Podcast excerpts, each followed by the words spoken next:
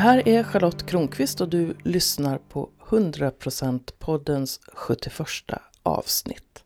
Och den här gången så ska du få möta en riktig mumsig 100%are som säger att meningen med hennes liv är att inspirera människor att leva hela sin potential och leva från sin inre passion och sina hjärtan. Och hon också en stark eh, känsla för att jobba för kvinnor och för att bidra till att den eh, feminina kraften får leva fullt ut på jorden. Visst låter det härligt? Jag känner Maria Norell sedan ungefär tio år. Och i början av sommaren så sprang vi ihop på Odengatan och jag sa Vill du vara med i min podd? Och hon sa Ja visst. Hon var på tillfälligt besök i Sverige och vår enda möjlighet var att mötas i Vasaparken. Och Vasaparken är lite grann som uteplatsen för de som bor i Vasastan. Så det är mycket folk och mycket liv.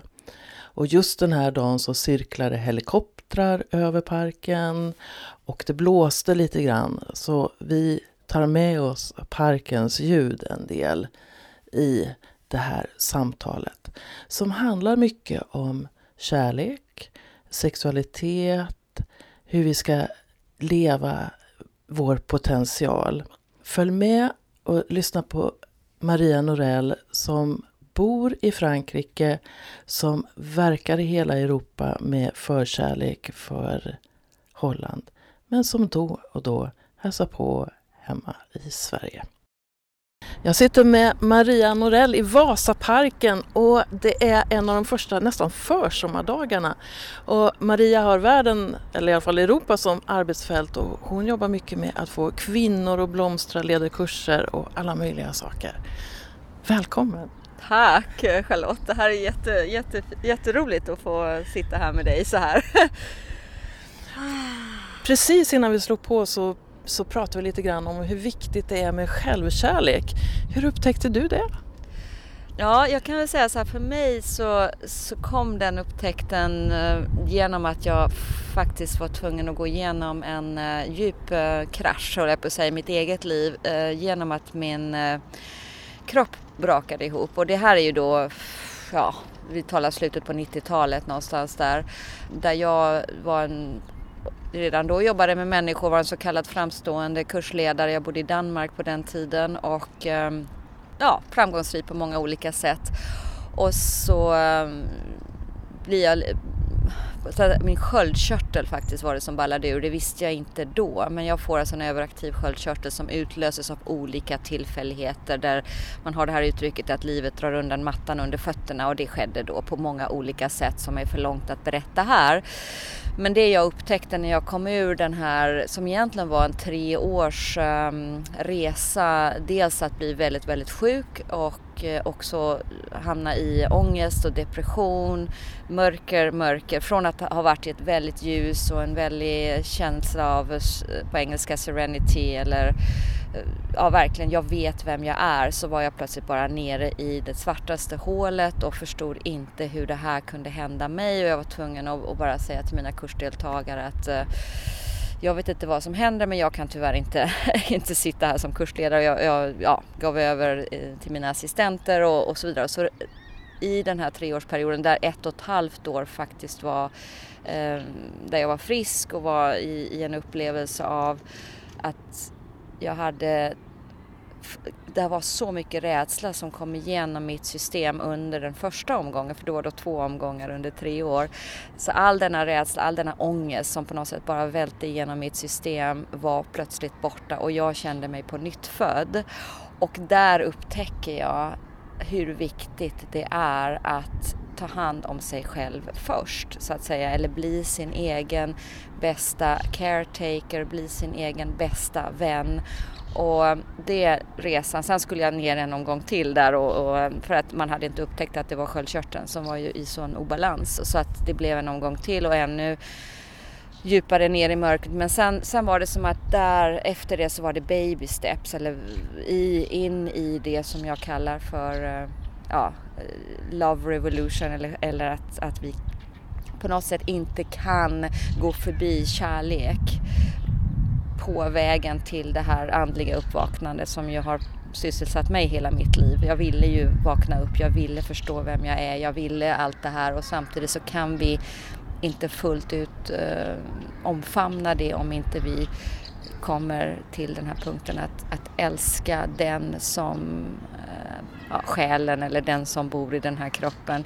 Och samtidigt så är det min ingång till mitt arbete med människor. Det är de rummen jag skapar. De bygger på det här fundamentet av trygghet och kärlek och att det är inte jag som ger någonting till människor utan hur ger du det här till dig själv i ditt vardagsliv när du sitter i ditt eget vardagsrum och ja, vänta, hur tar jag hand om mig här? Vem är viktigast i mitt liv? Och många gånger i relationer är det ju där vi tappar oss. Så vi gör andra viktigare än oss själva och jag var ju en av dem då som växte upp i min familj och gjorde alla andra viktigare och glömde bort den här. Så jag var tvungen att, att hitta henne och det är det jag också då lär ut. Att, och nu har det gått nästan 20 år sedan dess och hur, ja. hur ger du dig självkärlek idag? Så ja, jag, jag, tycker jag har blivit väldigt bra på det här och det, den, första, den första som jag alltid säger till folk, den första självkärlekshandlingen som jag ger mig själv varje dag, det är medveten andning. Det är number one som man säger på engelska, eller nummer en eh, viktigaste redskapet, det är att jag andas. Så där tar jag hand om mig själv dagligen. Jag har bara lärt mig att komma ihåg under dagen, eh, nu är det automatiskt, men att när jag befinner mig i miljöer som nu, vi är mitt i Stockholm här och det är mycket, eh, att okej, okay, jag andas, jag är medveten om min andning och det är ju så populärt det här begreppet mindfulness i, i Sverige i alla fall. Eh, mindful, att, att vara medveten om sin andning men också rent eh, också att jag varje dag Eh, lägger händerna på mitt hjärta när jag har möjlighet. Bara, och, och, så bara säga till den här som, den här som jag är, som, bor, som jag säger bor i mitt hjärta, min, eh, min själ, mitt, mitt ljus och så riktar jag vad är det hon behöver höra just nu? Och det kan vara jag älskar dig, det kan vara jag är här för dig. Det, det är väldigt jag är här för dig, för jag är här för så mycket människor. Och det var den jag behövde lära mig, att jag faktiskt var här för mig först. Så att jag ankrar de här, bara några meningar sådär och det gör att jag ankrar ett fält av självkärlek varje dag, varje dag, varje dag. Och det gör ju att du hamnar i en, en annan eh, vad som är, frekvens än, än till exempel mer lågfrekvens som kan vara den här stressen eller när vi ehm, befinner oss i vissa miljöer där det är så här och så bara komma ihåg, vänta nu, andningen nummer ett. Och sen även, okej, okay, här är jag, jag är här för mig just nu och kan så göra att den, den typen av meningar gör att de här mer ja, stressfulla miljöer eller andra. Jag drabbas inte av dem höll jag på att säga, men jag känner inte av dem på det sättet. Jag sugs inte med i dem på det sättet. Så att självkärlek är för mig en väldigt praktisk, väldigt enkel, daglig väg till att eh, balansera sig själv helt enkelt. Du och jag har ju en historia eh, som är mer än tio år gammal så vi har sett varandra i olika situationer och så. Jag har bland annat sett dig leda kvinnogrupper och leda workshops och, och så. Och då blir det ju naturligt så att det finns människor som ser upp till dig och tycker att du är så extra fantastisk. Hur hanterar du det? Så jag, jag är fantastisk. Det, det, det tog också ett tag att, att, för att jag hade väldigt mycket ovärdighet kring eh, den personen som har en sån stor impact och som faktiskt påverkar så många människors liv. Så det var viktigt för mig också att, eh, att se att ja, men jag har en gåva, jag är här som jag är här för att ge. Men jag är inte en så kallad guru eller andlig lärare även om visst jag undervisar i andlighet och, um, och så och är ja, erfaren i det kan man säga. Men um, jag har alltid varit väldigt noga med den eh, mänskliga biten i mig själv, att jag är människa och jag är transparent. Och jag är, hund, du, du kallar ju det för 100% Charlotte, men jag är 100% mig också i de sammanhangen och jag tror att folk känner ehm, sig trygga och avslappnade med mig så att jag har väldigt sällan den där projektionen som jag, att folk har det där att de, de känner att de kan komma till mig så där att jag är väldigt tillgänglig och att det blir inte kanske um, ja, att jag sätter inte mig själv i det ljuset på det sättet så att jag har inte, ja, jag vet inte om det är ett svar på din fråga. Men... Men jag tänker så här när du också har med, du behöver hantera dig, din självkärlek, du behöver hantera människor omkring dig. Och hur, nu är det flygplan som låter väldigt mycket här, men eh, det får du göra. Eh, så jag småpratar lite medan du gör det. En helikopter åker över Stockholm. Jo, det jag funderar på då, det är när, när du dels behöver ta hand om dig själv och dels finns där för andra så gissar jag att det kommer situationer när du behöver sätta gränser. Säga ja till dig, mm. säga ja till andra, säga nej till andra och så. Hur hanterar du det?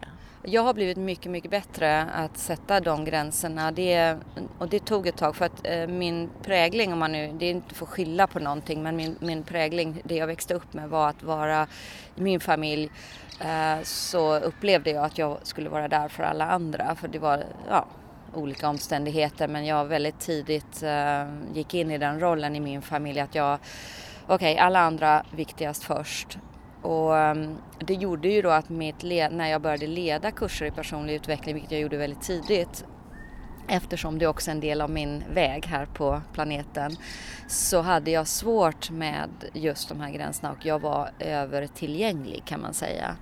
Och jag har med, i takt med att jag har blivit mer värnande om mig själv och mer grundad i mig själv. Om, grundad är ju ett sånt där ord som vad är det för någonting men om man säger att jag har, jag har landat mer i min kropp, jag har landat mer i mig själv, jag är så då känner jag impulserna mycket snabbare. Att vänta nu, nu står du här och pratar med den här personen fastän du sa att du skulle gå på lunch. Eh, de här små sakerna som kan betyda så mycket när man går över sina gränser. De impulserna kommer in mycket snabbare vilket gör att jag kan säga till den personen du, eh, jag vill jättegärna prata med dig men låt oss göra det efter min lunch eller så att jag kan um, gå på lunch nu till exempel.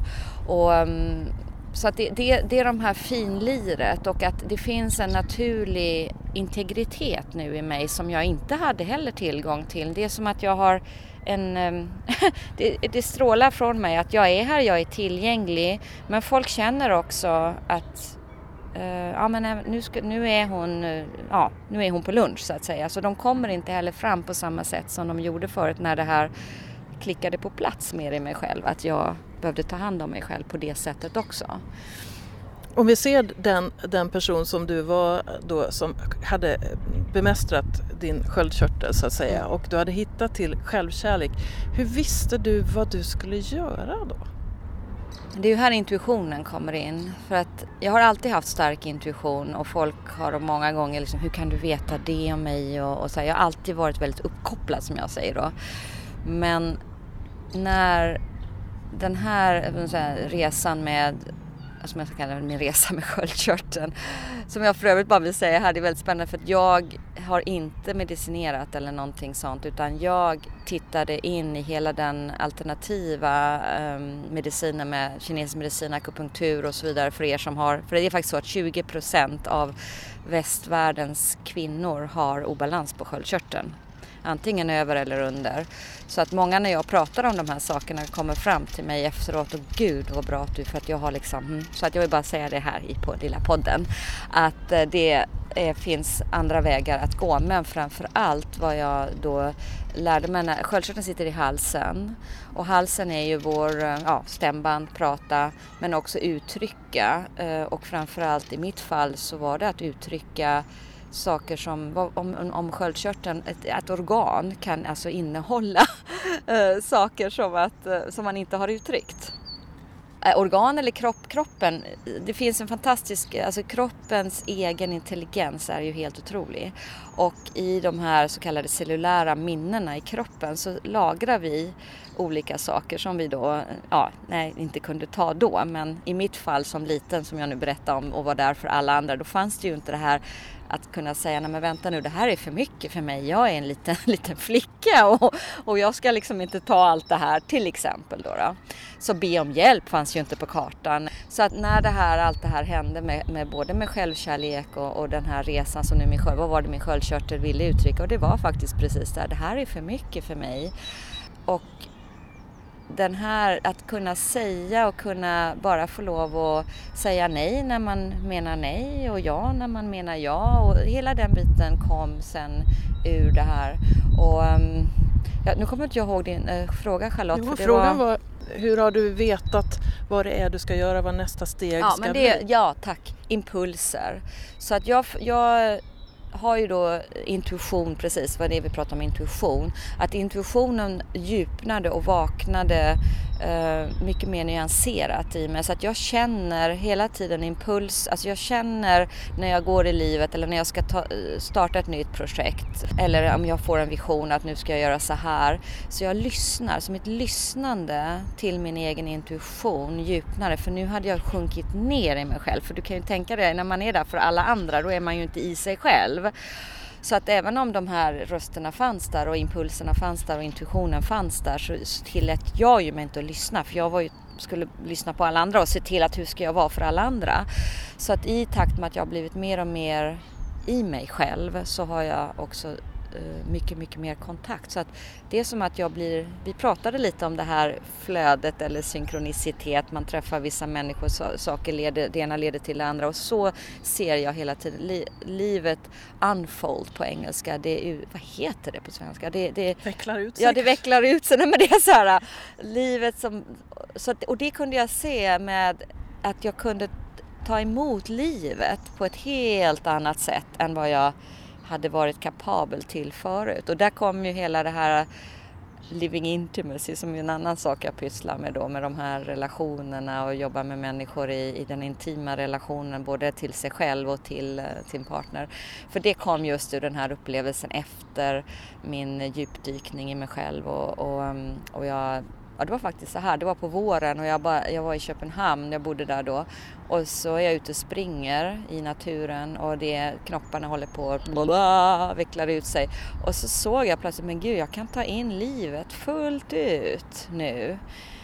Och det var en extatisk känsla där det förut var som att jag var så rädd för liv. För att jag menar, jag skulle ju ta hand och se till att allt var i ordning och så här. Så att jag levde ju väldigt här uppe och plötsligt så levde jag mycket mer här och kunde ta in livet och därifrån när, du tar in livet så så hittar du impulserna till hur du ska möta det som kommer till dig från livet. Och där är ju nästa då hur du förhåller dig till det som livet ger dig. Då kan du ju förhålla dig på olika sätt. Ibland är det, det är ju inte alltid tjosan hejsan, eller hur? Så ibland så kommer livet i form av kanske att eh, oj då, det här hjälp, hur gör jag nu? Och då ser jag varje sak som, varje tillfälle som livet ger mig är en växt på något sätt till en ännu större potential än den jag är nu. Så, så att istället för att säga, nej men gud nu händer det där och så, in, eh, så tolkar jag det som att oj då, det var ju jobbigt eller aj då. Så säger jag, nej men vänta nu, vad är gåvan i det här? Vad är det livet vill ge mig nu och hur kan jag möta det? Och då blir det från en helt annan eh, kapacitet inom dig själv än att du sjunker ner i, åh gud vad dåligt och hemskt det här var som kom nu. Så är det okej, okay, men vänta nu, vad är, andas först naturligtvis och så, vad är gåvan i det här, vad är det livet, ah men okej, okay, det är hela tiden allt som livet ger oss är för att utveckla oss till vår högsta potential. Så, lite. När, när jag träffade dig eh första gången var faktiskt på Samsara dansklubb i Köpenhamn, Just allra det. första gången. Ja. Men sen så träffades vi i sammanhang när du ledde kvinnogrupper och jag har bland annat varit på en hel vecka eh, med dig. Och du har haft många, och har fortfarande många grupper för kvinnor eh, och onlineprogram och så. Vad kommer det sig detta engagemang för kvinnor? Jag älskar den frågan. jo, eh, det jag såg, eh, eftersom jag då har varit pys pysslat sen väldigt, när jag var väldigt, jag var 16 år när jag gick på min första eh, meditationskurs. och fortsatte ju att resa inom den andliga världen och, och även terapi och kroppsterapi och ja, ja, allt vad jag nu har gjort. Så kom jag till en punkt där jag kände, men vänta nu, det här maskulina och feminina inom oss eh, och att jag såg att väldigt mycket av det jag hade fått inspiration ifrån var från män eller eh, manliga så kallade andliga ledare. Och eh, så bara undrar men vänta nu, det, vad är det kvinnliga förhållningssättet eller det feminina förhållningssättet i den här världen? Och att jag hade inte så många roll, säger man, rollmodeller på svenska? Jag, förebilder. Förebilder, ja precis. Jag undervisar mest på engelska så ni får ursäkta, det kommer ibland sådär. Så, eh, så att jag letade efter kvinnliga förebilder inom andlighet. Och eh, också därför att jag ställde mig själv frågan att jag, eh, vi har ju olika hjärn, alltså man, det har man ju sett då. John Gray har ju forskat på det där med hjärn, hjärnor, hjärnor. Han är en amerikansk eh, författare och har, skrivit en bok om kvinnors och mäns hjärnor och hur vi fungerar på olika sätt. Så det intresserade mig men då tänkte jag att det måste ju finnas någonting som är speciellt då för oss kvinnor för jag såg att Eh, till exempel för mig att sitta och meditera flera timmar i stillhet i sträck var inte så lätt. Kanske inte så kul heller. Och kanske inte så kul heller, nej precis. Det var väldigt seriöst. Vi pratade om det förut Charlotte. Nej men just det där att, att jag såg att nej, jag vill ju dansa. Jag vill, eh, ja de här um, dans och jag gillade och um, också det här med, jag har alltid varit väldigt intresserad av det här vad, vad beröring gör vid kroppen och såg att för kvinnor att blomstra till sin fulla potential så behövs något annat än till exempel att sitta stilla i flera timmar, vilket är mer ett maskulint, det är ju mer en vertikal, det maskulina, man ser det vertikalt, eh, maskulin energi mer vertikal, mer som en slags, eh, ja, Eh, närvaro. Och det feminina är ju också en närvaro men den är mer i rörelse och mer, blomstrar mer faktiskt genom rörelse och genom framförallt beröring, för det såg jag. Så det var, det var liksom en, en vändpunkt där ungefär 99-2000. Jag tänkte men ja, men och så hittade jag inga förebilder och det var ju då och jag får ju ofta, som jag kallar laddat ner då från universum. Men, så jag fick ner det här att jag skulle leda en sån här fyra dagars retreat för kvinnor som heter Kvinna och gudinna. Och det var så det började och jag hade ingen aning själv helt ärligt utan jag eh, var både kursledare och deltagare kan man säga, vilket inte var något nytt. Eh, så har det varit mycket, men jag är väldigt transparent med det också. Men ja, där kom hela det här, fyra dagars retreat för kvinnor och jag ehm, och då blev det här, men gud, det här vill jag ju hålla på med. När jag såg kvinnor och vi blomstrar och framför allt hela det här systerskapet med kvinnor får utvecklas och bortanför den här konkurrensen, jämförelsen som ändå fanns mycket mer från min uppväxt. Jag var också fotomodell några år i mitt liv och hela den här grejen med, med man jämförde sig och allt det här. Och här var vi plötsligt i systerskap, i ett forum där vi kände oss trygga med varandra och det, det skapade en helt ny eh, en ny ingång för mig som jag inte har lämnat sedan dess utan har fortsatt att utforska in till idag. När jag var barn så, eh, så blev jag mobbad av tjejer så för mig så har det tagit väldigt lång tid att kunna känna systerskap och den första kvinnogruppen jag var med i var faktiskt din. Mm. Och det var också utmanande att börja lita på att kvinnor inte har en kniv som väntar och, eh, och stickas i ryggen. Kniv, ja, precis. Ja, ja. ja precis. Eh, och och jag gissar att jag är inte ensam om det för kvinnor kan ju, och tjejer kan ju vara elaka på ett mm. subtilt sätt. Det sättet jag blev mobbad var att jag var utesluten ur gemenskapen och man låtsas inte om som jag fanns. Så att jag blev aldrig slagen eller så men det där att bli utfryst, helt ja. utfryst mm och, och, det är precis vad, och det, det är så roligt för att jag kan ärligt talat så, så eh, jag har inte den, just den resan men jag hade en annan resa med det kvinnliga som gjorde att jag inte heller hade så mycket tillit till kvinnor. Det hade mer att göra med mamma-dotter relationen men det, utan att gå in på detaljer där så hade jag också vissa aspekter att titta på här som var, bottnade i rädsla. Och även när jag själv då ledde så, så, så såg jag de här kvinnokurserna, ledde de här kvinnokurserna i början, så såg jag oj, här finns en läkning även för mig i, i, i det här eh, forumet. Och det var ju när vi, för vi ser varandra i, inte bara som systrar utan varandras mödrar och döttrar. Också, vi tog in de här olika aspekterna där jag såg att vi behöver eh, omfamna eller hela någonting i det feminina.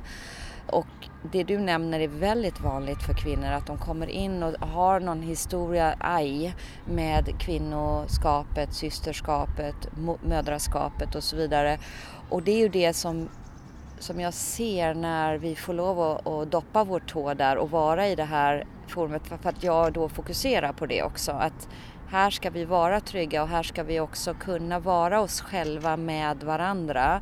Och då blir det så. Och det är alltså alla dessa år nu som jag har lett, det är 17 år sedan jag hade min första kvinnokurs. Och jag är förvånad, alltså jag, det är hundratals kvinnor som jag nu har haft, om inte tusentals, som jag har sett hur det här, hur vi kan transformera det här såret i det feminina som som du nämner nu då det här med utanförskapet eller att kvinnor har det här att vi pratar bakom ryggen. Vi går ju inte ja, i det maskulina, män kanske mer, du kom ut här på baksidan så tar vi det fysiskt liksom, eller om det är tillbaks i tiden. Men kvinnor har ju det här under bordet, bakom ryggen, eller som du säger bara distansera och fryser ut. Alltså, men allting finns i luften där. Alltså, budskapet är ju ändå där fastän det, jag satt senast idag i ett samtal med, med två kvinnor och, och så var det, de ville att vi skulle mötas på något visst sätt och så kändes det betungande för mig. Och så sa jag det, det här, alltså det känns inte riktigt bra, det känns betungande. Skulle vi kunna göra det på ett annat sätt? Och, och då är det som att, eh, att det blir skönt i rummet för, eh, det var på Skype i och för sig, men det blev skönt i rummet på det sättet att en av dem kände att det var någonting med mig och, och, idag så säger jag vad det är istället för att låtsas som ingenting för jag tror att ändå att man sänder ut. Klart. Ja, det är ju det man gör. Och sen som du då i ditt fall, hade du när du var liten i det här utanförskapet gjort det? Till exempel kommit upp och sagt till de här, som det nu gällde, att eh, det gör man ju inte va, men, men du tänker som du nu gjorde idag, att du kunde uttrycka men vänta nu, det är någonting här i vårt sätt att vara tillsammans som inte känns, eh, ja, vad det nu är. Så det, det, är ju, det är ju det här att man eh, vågar helt enkelt. Och, och, kvinnan har varit tyst. Många, många, många generationer. generationer. Den här kvinnliga tystnaden. Och det gäller ju inte bara kvinnor emellan utan hur vi har burit och i relationer och i familjestrukturen och på arbeten och på alla dessa. Vi tystnar och där har vi ju lilla sköldkörteln igen då, då som eh, ligger i halsen och vi får inte uttryckt och så känner vi oss överväldigade och så ofta då hamnar vi i den här som är på det kvinnliga som är ju mer det depressiva eller letargiska att vi, ah, vi blir så trötta men det är också därför att vi inte har e-, expressed eller uttryckt, ex, vågat säga de här sakerna som, ja, som är, ligger där. Vilken roll tänker du eh, att sexualiteten spelar i det här? Oh, jag älskar dina frågor Charlotte! drömfrågor. Ja, oerhört viktigt. För det är nästa, alltså det, det är ju det området jag har verkligen pysslat med också. För från att jag skapade det här Kvinna och gudinna så började jag intressera mig också just för sexualiteten och från det kvinnliga. Och även där, oj oj oj vad tysta vi har varit där då till exempel. Så att sexualiteten som ju ifrån det kvinnliga perspektivet är enorm. Alltså kvinnans potential, sexuella potential, eller kvinnans orgasmiska potential som är, alltså eh, när vi ser på sexualitet som våran livskraft. Och livskraften när den får lov att vara orgasmisk, det vill säga att den får lov att eh, verkligen, vad heter det, unfold igen då, då, ett engelskt ord, eh, att den får lov att bara vara så stor som den är så är ju kvinnan enorm i sin sexuella kraft om man säger så. Det har ju också då tryckts ner eh, i vårt vi har ju varit med och trycka ner det i det här, vad man kan säga, mer patriarkaliska synsättet som vi har haft i historiens lopp. Så att kvinnan skulle liksom tryckas ihop på något sätt och även då i sin sexualitet som om en kvinna verkligen öppnar upp, det här såg jag då när jag började utforska min egen sexualitet, att om jag verkligen öppnar min sexualitet, öppnar den här kraften fullt ut, ja då är jag ju inte någon att räkna med. Till exempel ligger ju också det kvinnliga, eller, eller det ligger att vi, eh, om en kvinna verkligen öppnar upp sin fulla sexuella potential så är hon eh, betraktad som, ja, det låter starkt att säga hora men det är lite alltså, åt det hållet. Jag har träffat kvinnor som faktiskt har en 17-årig kvinna som var väldigt naturlig i sin sexualitet och gillade att ha sex och ehm, um, berätta för mig att en dag kommer jag till, till där jag ska ta skolbussen till gymnasiet där hon bodde då i, i Danmark på den tiden och så står det hora, hennes namn, på busshållplatsen.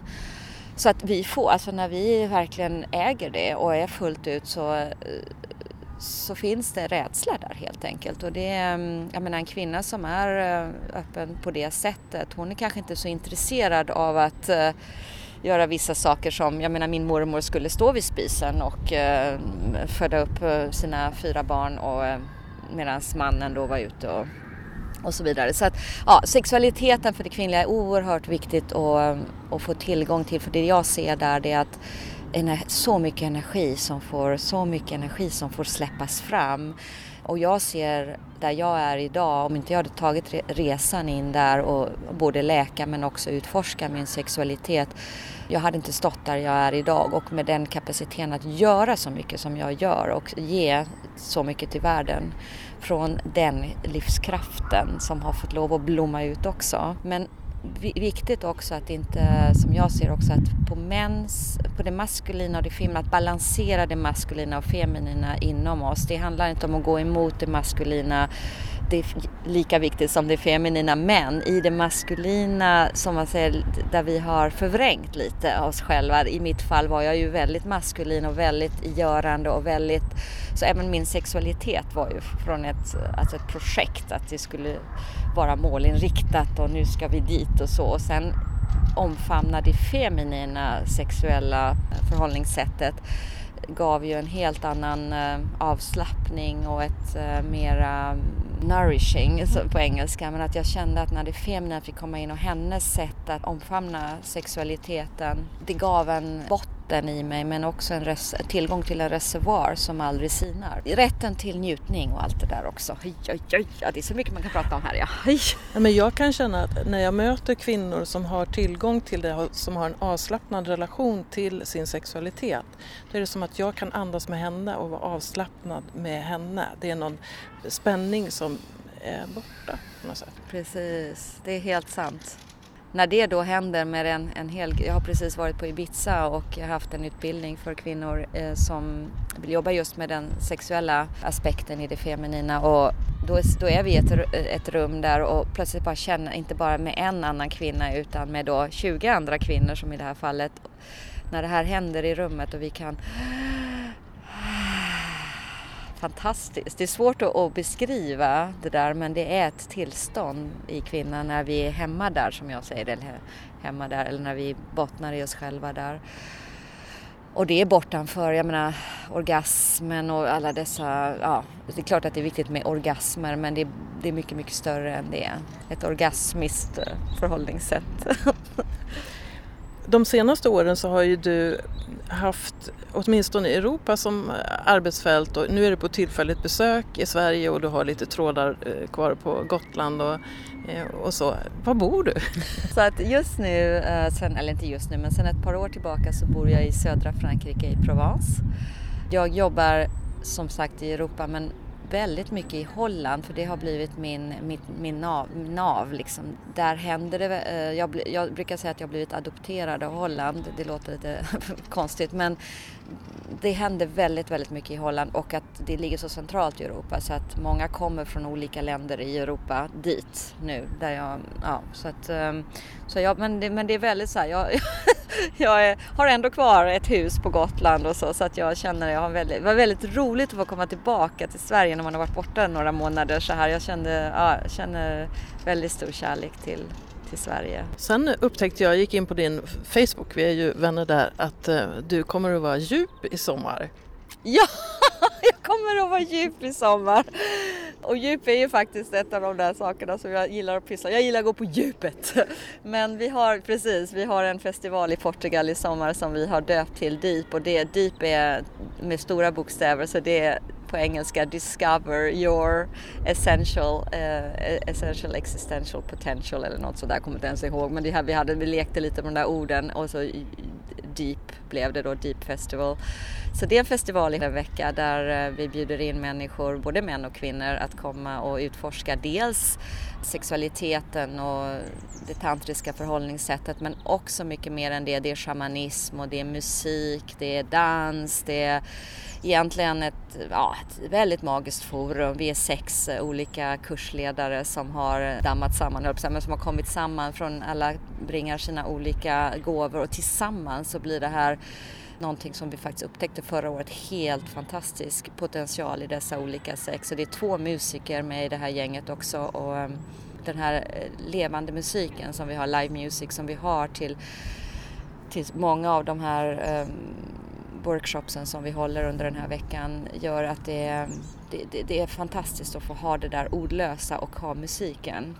Jag blev ju väldigt nyfiken måste ja, jag säga. Nej, det, är något helt, det är något helt unikt det här Deep. Jag menar jag har hållit på så många år men jag känner Deep Festival det är, det är, det är som en syntes av allting och det är så spännande att få utforska med de här människorna och med de som kommer dit. Det... För det, jag fick den här känslan av att ni träffades och sen så var det just det här intuitiva och ja. impulsiva som, och så bara, ja men vi, vi skapar något. Ja. Och så Alltså det var, ja precis, det började med att jag höll den här festivalen. Det, det, det är, ett, eh, det är egentligen en, en, mer en retreat än en festival. Festival är ju kanske med många fler människor. Vi har ju maximum 75 personer. Så det är, men vi tycker ändå att festival passar därför att det är ett, ett, program på en vecka och man kan välja lite olika punkter. Man behöver inte gå på allt. Det är inte som en retreat där man går från A till Z under en antal dagar.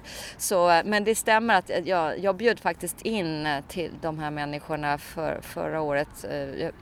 Vi har varit lite i olika konstellationer men förra året var, blev det då oss sex. Och vi, det var precis den där känslan, men oj, alltså det, det, vi hade precis intuitivt varje dag så la vi, varje kväll la vi programmet för nästa dag. Vi kände gruppen, var är de, vad är det de behöver? Det kräver mod, det kräver mod att gå dit, att våga, vänta vem är jag egentligen? Och det här ljuset som jag är, alltid har varit, det är intakt. Oj, ja, så att vi gör det i år igen. Om vi tänker oss någon som lyssnar på det här och som vill gå djupare den personen har redan hört medveten andning. Eh, men vad skulle kunna vara annars ett enkelt första steg som den personen skulle kunna ta? Jag tycker nog att eh, det jag sa igen eh, med att ankra självkärlek i sin vardag, att väldigt enkelt bara lägga handen på hjärtat och så se, alltså då är det inte det fysiska hjärtat utan det är ju mer det här inre rummet som jag kallar det för, hjärtrummet, vårt andliga hjärta kan vi också kalla det för. Och att hjärtat tycks uh, veta vem vi verkligen är och man kan säga att i hjärtat så bor din innocens på engelska. Hjälp mig Charlotte. Ja, din oskyldighet. Den här, det som man ser i ett nyfött barns ögon, den där ursprungliga kan man säga kontakten till. Det känns som att de kommer från ljuset självt.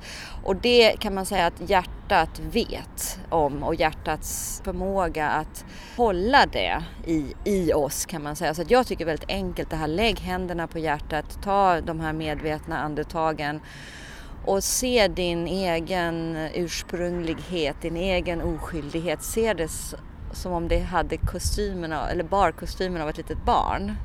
Det här ursprungliga barnet. Och så vad skulle du säga till det där barnet? För då gör det det lättare att rikta eh, än att man säger oskyldighet och ursprunglighet, det är lite diffust. Men när man ser det i form av ett, ett, en liten tjej, en liten kille här inne i hjärtat och så okej, okay, ja men jag älskar ju dig. Oj, du är så fin. Eller vad det nu kan vara man skulle behöva säga till den här delen. Det kan också vara så att man har inte haft speciellt mycket kontakt med den här delen. Det kan kännas väldigt konstigt också. Bara, aha, mm, lägga händerna på hjärtat och så. Men då, det är att bara andas där och ta kontakt och även säga okej, okay, jag kanske inte riktigt vet hur jag ska kontakta dig. Och, och, och, och, ja, jag har kanske glömt bort dig också så man kanske behöver säga förlåt att jag har glömt bort dig. Allt är ju du men det är som att när du börjar differentiera på det sättet, bara skapa en liten från dig själv till dig själv kan man säga kontakt i din vardag på ett väldigt enkelt bara och jag har lärt så många människor det här. Och de säger att det, det har varit så eh, crucial, eh, vad heter det? Jätteviktigt. Ja, jätteviktigt för dem i deras liv att, att Avgörande. få, ja, avgörande, att få bara den här väldigt enkla praktiska självkärlekshandlingen. Så att de dagligen bara, okej, okay, lägger händerna eller, eller du behöver inte ens lägga händerna, du kan sitta på, på en buss någonstans och så, men du sluter ögonen ett ögonblick och gå in där och ge den här andningen till dig själv, men kanske i tystnad vad behöver den här delen av dig själv höra? Vad behöver den? För att vad som händer där det är att det här är ditt ljus, det här är din essens också, inte sant? Och då när du bygger bro av självkärlek och eh, trygghet faktiskt, så, så börjar den lysa. Och den känner sig grundad här, den får lov, för det är ju det som egentligen jag skulle vilja avsluta med, för jag vet att vi avslutar oss, vi närmar oss vår avslutningstid. Det, vad är det vi är här för att ge på den här planeten? För vi, vi har ju alla olika gåvor, men det jag brukar säga, bara det att du lyser precis som den du är, vare sig du är man, kvinna, kropp, men att du får lov att lysa, att du ger ditt ljus, som man säger, till världen är för mig den viktigaste gåvan. Vi behöver inte göra så mycket mer, för när vi får lov att lysa, när vi är, som du säger, 100% oss, så är det något som vibrerar eller som strålar ut till resten av världen och då blir det blir ett härligt fält att vara runt den människan kan man säga. Och, um, och visst är det en vacker gåva att, att gå runt och lysa så här och ge den tryggheten och, och um, möjligheten för människor att också vara sig själva. Så. Fantastiskt och eh, tack för att jag fick sitta i ditt ljus en stund Maria Norell. Och tack för att jag fick sitta i ditt ljus Charlotte Kronqvist. Underbart, jättefint att få möta dig så här. Tack för att du uh, bjöd in mig. Ja, vad skulle hända om du tog kontakt med ditt hjärta och lyssnade på det? Vilka val skulle du göra i livet? Reflektera över det och ta gärna kontakt varje dag på det där sättet som Maria berättar att hon gör. Och vill du leva passionerat så sök upp henne. Passion of Heart heter hennes hemsida. Det här är ju 100% podden Charlotte Kronqvist och mitt eget bidrag till mer eh, kärlek i världen. 71 avsnitt, det känns verkligen fantastiskt och nu börjar vi närma oss augusti. Och om bara några dagar så kommer jag att vara på Tantrafestivalen på Ängsbacka i Värmland och där kommer jag att göra podcastintervjuer på scen och jag kommer att ha en workshop om yonin. Senare i september så kommer nästa lekfull tantra, en dagskurs för dig som vill utforska tantra mer. Och alldeles strax kommer också en webbkurs, en onlinekurs på det temat, lekfull tantra. Jag vill verkligen vara med och bidra till mer livsglädje och passion, precis som Maria Norell faktiskt. Och vill du vara med och bidra till att 100%-podden blir ett hållbart projekt så får du gärna lägga en slant. Det finns något som heter Patreon eh, och där så kan man lägga en dollar i veckan Eh, som ett stöd till det här. Då går du in på patreon.com slash mitt namn Charlotte Kronqvist. Och annars så kan du ju utforska vad jag har att erbjuda. Kanske behöver du coaching eller session kring sex eller relationer. Det gör jag mest i Stockholm. Och förresten, en sak till. Jag ska vara med på Pride i Malmö. Den 8 augusti klockan 16.45 kommer jag att leda ett samtal med prästen Jessica Mensinski och terapeuten Mikael Lund och vi ska prata om sexualitet där. Så då kanske vi kan ses. Ha det fint så länge!